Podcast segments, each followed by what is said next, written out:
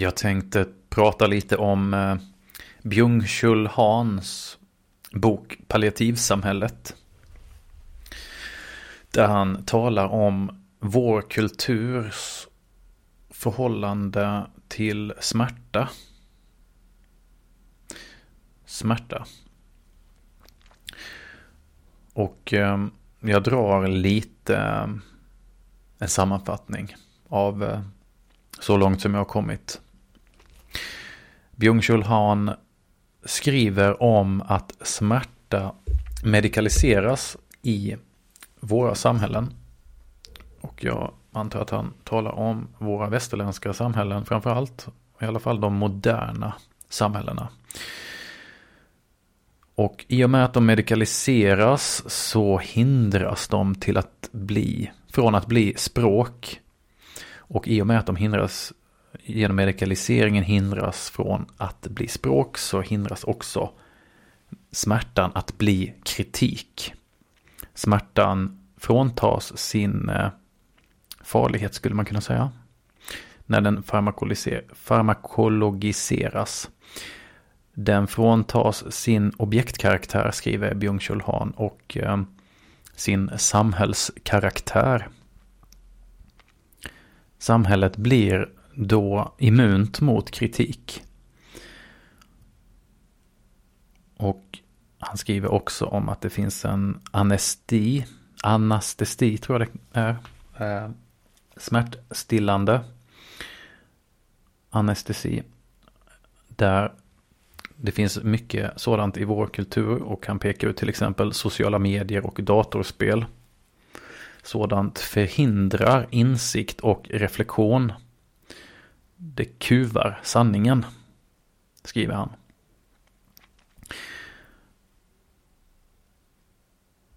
Och han eh, skriver om att lyckodispositivet ökar avståndet mellan människorna. Det sker eh, genom eh, lyckodispositivet en avpolitisering och avsolidarisering av samhället. Alla bekymrar sig om sin jakt på lycka så att säga. Och eh, här uppstår också en syn på lidandet som något privat, ett privat misslyckande helt enkelt. Och eh, mycket kärnfullt så skriver han om att istället för revolution får vi depression. Jag vet inte om det är ett citat av honom, jag har hört det där eller något snarlikt tidigare. Jag vet inte om det kommer från Byung-Chul Han, men eh, det är ganska kärnfullt om den här idén då.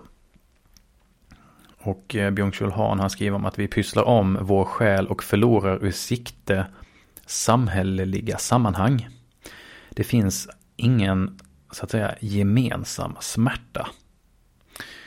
Så kan man säga. Det finns bara en avpolitiserad smärta och eh, han skriver om trötthet och jag-trötthet eh, som någonting opolitiskt och narcissistiskt. Jag-trötthet är ett slags profylax mot en revolution. Han skriver också en hel del om konst. Och jag tror att jag kanske tar upp eh, det vid ett annat tillfälle. Det är intressant i sig. Men vi fortsätter. Byung-Chul Han. Prestationssubjektet, alltså det liberala prestationssubjektet i vår tid, det drivs av positiviteter snarare än eh, negativa, alltså att undvika någonting negativt. Så strävar man efter det positiva, till exempel självoptimering och självförverkligande. Man får trivselzoner istället för negativiteter som till exempel förbud eller bestraffningar av olika slag. Det är så man lyfter fram det. Trivselzoner blir viktiga istället för att till exempel då hota med olika negativiteter. Man kan väl säga att man eh, talar då, man skulle kunna sammanfatta det och säga att det blir mer morot än piska för prestationssubjektet, det liberala prestationssubjektet. Och eh, Björn Kjellhan Han skriver om att döden dominerar livet och re reducerar det till överlevnad. Eller han skriver nog urholkar det till överlevnad. Idag är det svårt att dö eftersom det ej går att fullborda livet. Han skriver om att self-tracking avancerat till kult. Livet blir en ren funktion. Det blir naket. Vi åldras utan att bli gamla. Något av det mest intressanta i den här boken hittills är att han då tar upp smärtan som i vår tid någonting fundamentalt meningslöst. Man kan koppla detta till en diskussion som eh, fanns, eller finns på min eh, kanal om nihilismen. Som också är då en värdenivellering och eh, smärtan är då del av den här nihilismen skulle man kunna säga. Smärtan har blivit meningslös, den går inte att inordna i en symbolisk ordning. Att eh, utstå och förstå smärta är omöjligt. Och det är en konst, skulle man kunna säga, som har gått förlorad i vårt samhälle. Den här farmakologiseringen som jag pratade om i början, den har då lett till en utplåning av konsten att utstå smärta. Smärtan blir alltså ett meningslöst ont som det gäller att bekämpa. Det utesluts ur den symboliska ordningen och eh, bekämpas med eh, analgetika tror jag man uttalade. Smärtan reduceras till kropp är någonting som Byung-Chul Han skriver om.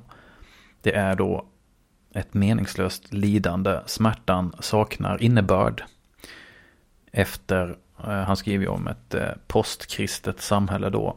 Eh, där kristendomen då har kunnat stå för en del stimulans kan man säga. Som har kunnat bidra till att göra smärta inbäddat i ett meningssammanhang. Människan saknar ett eh, mentalt skyddsrum och eh, det finns ingen symboliskt omhuldad smärta i våra samhällen då. Smärtan blir därmed förtingligad till ett rent kroppsligt lidande. Smärtan saknar betydelse. Den är så att säga emanciperad från teologiska tvång. Och jag tänkte jag ska ta ett citat som är kärnfullt från Byung-Chul Hans bok. Det återfinns på sidan 34 citat. Smärtans meningslöshet antyder snarare att vårt liv reducerat till biologisk process självt är tömt på mening. Smärtans innebörd förutsätter en narration som omger livet med en meningshorisont. Slutcitat. Byung-Chul skriver om berättelser att från dem utgår en läkande kraft. Och här har han lånat idéer, verkar det som, eh, från, eh, jag tror att det är från Walter Benjamin. Byung-Chul Han skriver att vi idag lever i en postnarrativ tid. Narration kan alltså bota Walter Benjamin. Sen skriver också Byung-Chul Han någonting intressant om eh, den eh, då hypersensibla senmoderna människan som lider av sin meningslösa smärta. Och anledningen att människan är hypersensibel är för att nerverna utsätts för mindre smärta idag. Det blir eh, fråga om mycket mer då narcissistisk hypokondrisk introspektion. Ett slags prinsessan på ärten syndrom. Och eh, det, med det menas då att vi lider allt mer för allt mindre. Vi lider allt mer för allt mindre. Och det finns förväntningar i vår kultur på medicin och smärtans meningslöshet gör även lindriga smärtor outhärdliga.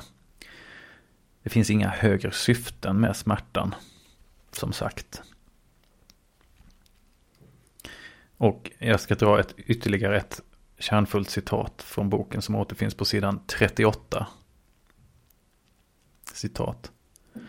Försvinner den smärtande ärtan så börjar människorna att lida av mjuka madrasser. det är ju själva den persisterande meningslösheten hos livet självt som gör ont. Slutcitat. Sen skriver också Björn Han om, eh, han tar upp Ernst Jünger lite grann och eh, eh, pratar om, eller skriver om ledan bland annat. Som en slags smärtans upplösning i tiden. När livet då går ut mycket på att avskärma sig från smärtan i livet. När så sker så sipprar smärtan ändå in och uppfyller, uppfyller rummet. Liksom droppe för droppe istället. Det kan man kalla då smärtans list. Smärtans list. Och eh, här skriver han också om då kroniska smärtor. Kroniska smärtor. Och eh, mer än så behöver jag inte gå in på här.